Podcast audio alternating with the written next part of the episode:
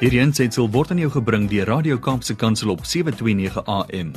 Besoek ons gerus by www.kapsekansel.co.za. Goeiedag en baie welkom by die program Markplek Ambassadeurs van CBMC Suid-Afrika. En vir die van julle wat gereeld luister, sal weet dat CBMC is die Christian Businessmen Connection van Suid-Afrika. Ons is deel van 'n wêreldwye bediening waar ons help om besigheidspersone op te rig en toe te rus om nie net uh, disippels te wees van Jesus Christus nie, maar ook disipelmakers en ook ambassadeurs in die koninkryk, ambassadeurs in die werkplek, daar waar jy elke dag beweeg. En ehm um, ek gebruik gaste met wie ek gesels elke week en ek het vandag die voorreg om weer te gesels met uh, eh, Tabo Mashlobo Ons het al 'n paar keer gesels in die verlede. Dis 'n man wat 'n besondere gawe van God ontvang het um, om te skryf. Hy het 'n paar boeke al die lig laat sien oor finansies, oor ekonomie. Ehm um, en hy het sy nuutste boek wat hy geskryf het, ehm um, gaan ons vandag 'n bietjie oor gesels en volgende week wat 'n bitter belangrike onderwerp is in 'n tyd waarin ons lewe en in hierdie moeilike omstandighede waarin ons samelewing hom bevind en waarin ons land hom bevind. Maar voordat ek nou te veel daaroor sê, uh kom ek stel net vir Tabo aan julle bekend. Uh Tabo, goeiedag. Ja, goeiedag meneer. Dis lekker om weer met jou te praat. Yeah, yeah, yeah. It's it's always good. It's always a, a pleasure to really uh, chat with you. Yeah. Yeah, Tabo is actually um, not Afrikaans speaking. Um, like uh, I think you you could figure that out in the meantime. But he's he's so he's so well spoken in so many different languages, and I've got a lot, lot of respect for you, Thabo, for all the languages that you can actually uh, speak and that you can write. Um, Thabo, we we want to chat today a little bit about um, your latest book, uh, Daddy, Please Come Home. Um, and I started reading through the book, and I was I was overwhelmed, um, to say the mm, least. Mm, mm. I'm not sure if I was if I must use the word shocked uh, with all the facts, or if we just knew this all along. But I think sometimes that we don't want to face the facts, and we just want. Uh, many people just want to turn the face away and look the other way when they see these problems in our country. Um, but Thabo, in in short, explain to us where did this book come from and why did you feel the urge to write a book called Daddy Please Come Home? Sure. Thank you very much for uh, actually just taking the time to really want us to chat about this book. Uh, this book, you know, it's one of those books that I never planned. I ne- I didn't even see it coming you know, uh, and because all I know is that I had a client that we were publishing for, and we somehow couldn't uh, send the books through via courier, and they were having a marriage uh, seminar in Rustenburg, and so we were obviously forced to drive to Rustenburg and actually send the books. And so, so so when we went there, it was a marriage conference, so we obviously had to be part of it. And uh, um, at Sun City. So when we were at Sun City, obviously there weren't rooms available at the hotel. It sounds like a familiar story of Jesus. and yeah. uh, we obviously then had to book ourselves at the at Rustenburg in the city.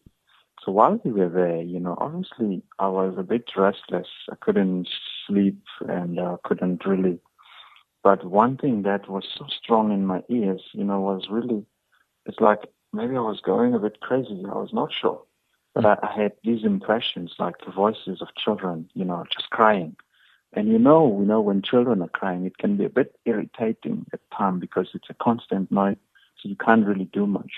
So, so I'm speaking this obviously with so much respect. I have three children, so uh, you know it can be very, very, yeah, consistent, persistent. So that's what I was hearing at the hotel. So I couldn't sleep. I was up, you know, and um, we continued again with the conference. But I, I just had an impression, you know what? Since we're in Rustenburg, let's go to Marikana, you know.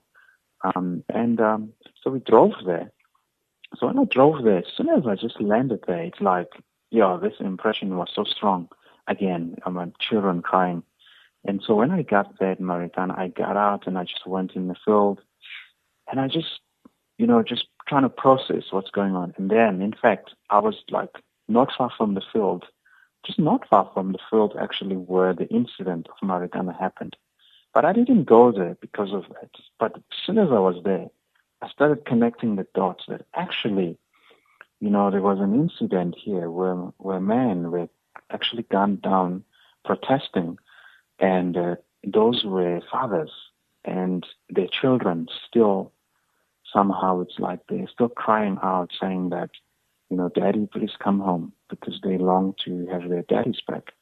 So it hits me right there that, you know, it was more than just a protest, but it was actually an assault to family, you know, that took place. You know, those men that died there, it was not just about, you know, it was about an assault to family that now you've got orphans who no longer have a dad and they're going to be scourged. And obviously that has replication in terms of some of the social ills we have where you've got uh, challenges such as youngsters in prison, youngsters in substance abuse because of the the absence of fathers or just the absence of knowing that they, their dad will no longer be there.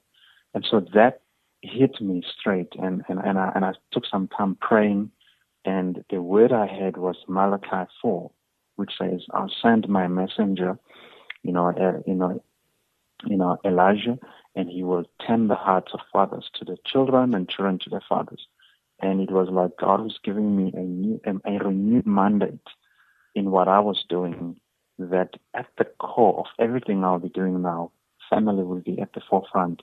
Then I need to go talk to men, you know, and and tell them to take their rightful place in their homes because um, there's a role that the family has in terms of shaping society, and there's men at the forefront, you know, really leading that. And that's really how the book came about. And it, so it changed my whole outlook of even what I was doing before. So as, even how I approach economics, how I approach everything, family now began to be at the center of everything.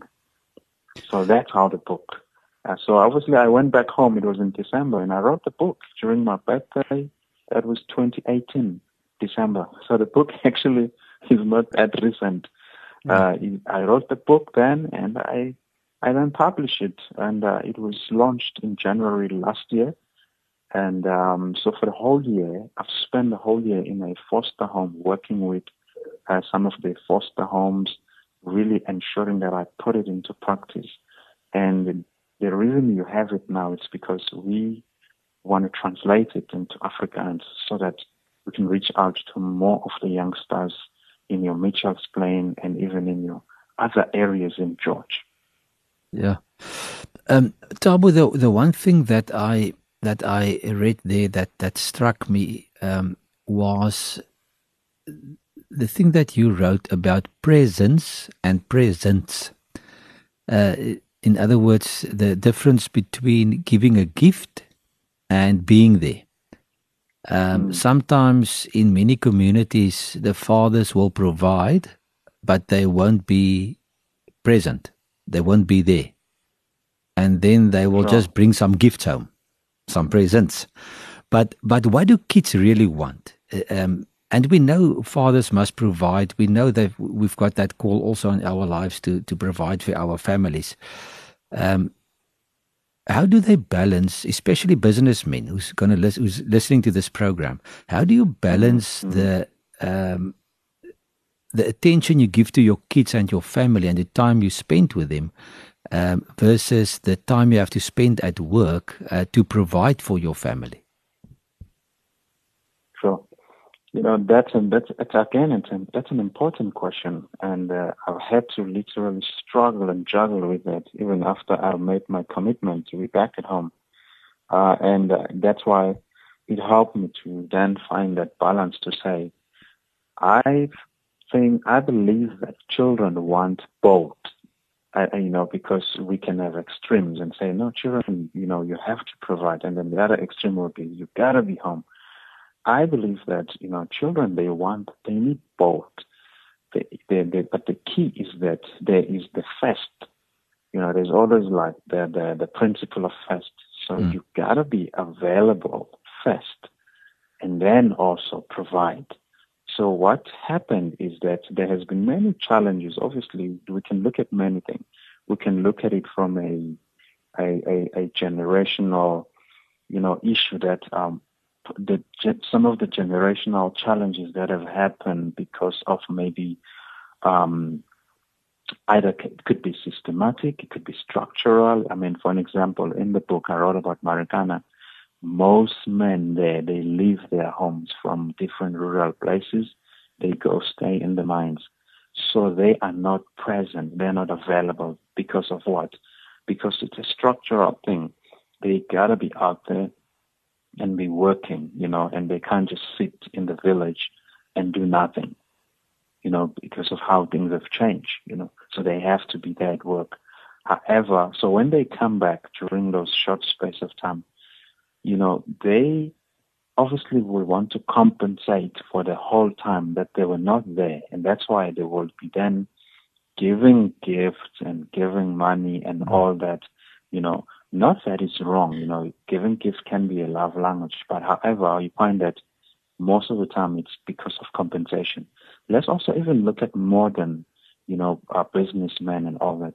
They spend much time in the office and then when they come home, they want to compensate for for, for the time that they had not spent. So which shows you that also that it, this thing can be structural with the man in the village, but for the man in the cities, it can be just a a, a cultural thing, which is a it, it's a legacy of literally, you know, not understanding the importance of family. You know, where really there's such a, a focus in terms of wanting to provide and missing the other part, which is to be available. And so finding that balance can be very tricky, and that's why it calls for a new, you know, a, a, a, new, family education, if I were to say. Yeah. You know, that there is a need for family education to really talk about what is a family and what are the key pillars in the family and, and how do you find that balance that even that the fact that you ought to be available as a parent you ought to honor your, your, your marriage covenant, but you also ought to be, you know, ensure that your home is a place of learning. There's learning. Fathers are still involved in terms of shaping up the children in terms of leadership. But there's also an, a legacy part where you gotta work, there's gotta be business. So there must be that balance. And sometimes it can be difficult because we want to survive. So you find that most of the time we spend it in business, we spend it at work, and you find that we miss out on the very basic thing, which is the children. So we will then want to compensate by either giving them money, giving them gifts, and, and, and that's why you find that it's a cycle that continues on and on and on. Thabo, it is important what you say because we all know that, that kids don't always listen to, to what the parents say, but they, they, they watch them and they will mm. copy what they do. Um, so if a if a father is absent and if he's just bringing the gifts home and he's not spending the time, the quality time with his family and with his kids, surely that will then go uh, be passed on to the next generation because won't the kids yeah. just do exactly what they saw their their fathers do? That's right. Yeah, that's why it's a generational. It's a generational fault, you know that that happens, and it's it happened in a very very subtle way that you, you will not see that no, there's something wrong with that. And, and I think that's why you find that, you know, um, I mean, I mean, I've interacted with children who had fathers and, and, and, and others that didn't have fathers. So you had children who didn't have fathers who, you know, who totally, literally don't know anything, you know, what it's like to have a father. But you have children who have fathers, but the fathers are not actively involved mm. in terms of being available, you know, so they either they don't stay with the dad, and you still have the children that do stay with the dad, but the dad is not actively available emotionally, available in terms of active, you know, and he's just there. You know, he comes in and he goes out. So the home is like a, a hotel. He comes in mm. to sleep and then he goes out. So those children, you find that they are also going through a lot emotionally, a lot mentally. Even though the dad is there, even though the dad is rich or the dad, you know, has got all these things, you know, you know, and you find that there's a challenge, you know, and that's what you still have those cases. So the key here is really, you know, what I say that there's got to be um, a home education. So we've started what we call dad's home education to basically say that there's got to be some sort of education that we can pass on to really say there's, there's such a value and it's important that families be strong, you know, so that they can produce healthy children and healthy business people. Um, Thabo, there, there surely um, something went wrong in the previous generations. Um, because if we go back three, four, five generations, I'm sure it wasn't like that. I'm sure I can remember um, times when, when I grew up and when my parents grew up and their parents that um, they actually had time. They had time for each other. They spent times at home. But is it the pressure from the economic pressure um, that is actually causing this um, problem? That the, the, the, the, fathers have to spend more time at the business, more time at the work, uh, maybe have to work away from home. Um, and and if and if it is a, a, a economic thing, um, that they have to do it because of, of, of, of, of economic pressure. How how can one then change this to, to, to, to get to the next generation that we will have um, the correct um, um, approach again, and that fathers will spend time with their kids, that fathers will look after their families, not only um, financially, but also through through their presence. Sure. You know, um, that question it's a very it can be also a sensitive question also when you when you talk about it, especially in the context of our country, context of the African continent, because I've had these dialogues, conversations with different um, with the different uh, racial groups, you know. Mm. So, for an example, for an example, you know, if you look into, uh, I'm going to be very, you know, just open, you know.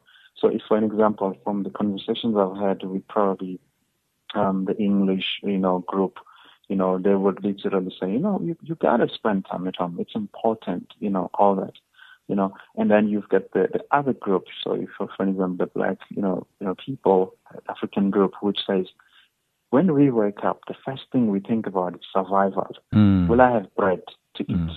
Mm. Will my kids have bread to eat? So that's the first thing. It's mm. it's not there the, the, the fact that should I be at home with my kids, you know? And so, so if you also look at the Maslow hierarchy in terms of, um, you know, needs, it basically puts the physical needs and at the bottom that if the physical needs are not met, you can migrate into needs such as security, love, and psychological needs. So you find that with most of the African communities, because of the, the higher need for survival, they spend much time trying to meet that phys- those physical needs, basic living conditions such as do I have a home, you know, and can I meet the, the rental or can I pay for the water? Can I have electricity up? Can I just have food? So you find that the whole life revolves around that because mm-hmm. again, if they're at home and they don't have that, there is strain again. They're not giving up their best. And then you find that the other communities, because that might not be the basic thing. They they've got a a basic home, which is a house. It doesn't matter whether it's it's a, it's at home or what.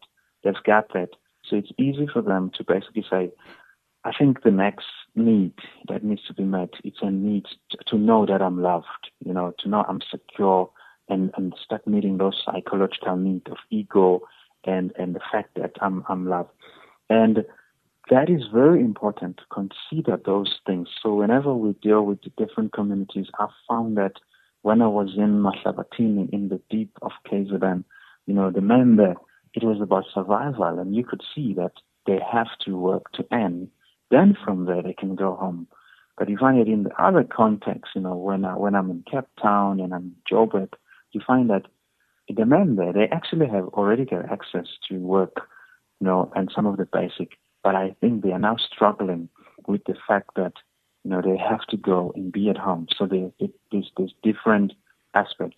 So when we so what we need to do it is to really go back at the core of what is family, what's the purpose of family, and and and, and from there, what are the things that needs to be in the family, you know, and then from there we start saying that these are the key elements that you need in a family.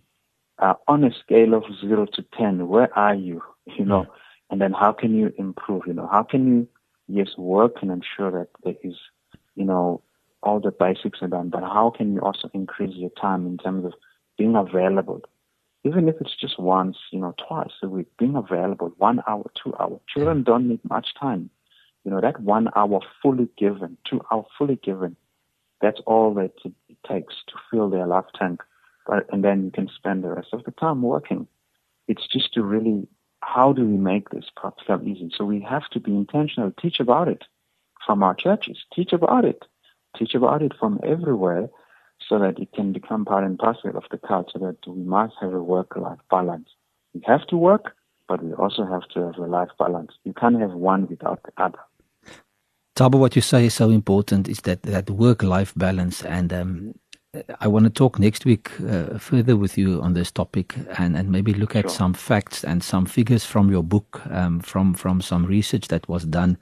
Um, to, to give a better perspective on, on, on this topic because I think this is so essential in our in our um, households today is is that absent father and, and, and all the problems that that that, that creates it's um, it's actually quite a quite a big problem but it can be solved um, let's say that yes, yeah, th- there is hope how it can be solved but we ran out of time Thabo so I'm afraid we will have to greet the people and then we'll have to to chat chat again next week so um, yeah Thabo, thank you so right. much for your time. But yeah, until next week then. Uh, bye bye. Thank you very much. Cheers. Bye bye. Hierdie aansetsel is aan jou gebring deur Radio Kaapse Kansel op 729 AM. Besoek ons gerus op www.kaapsekansel.co.za.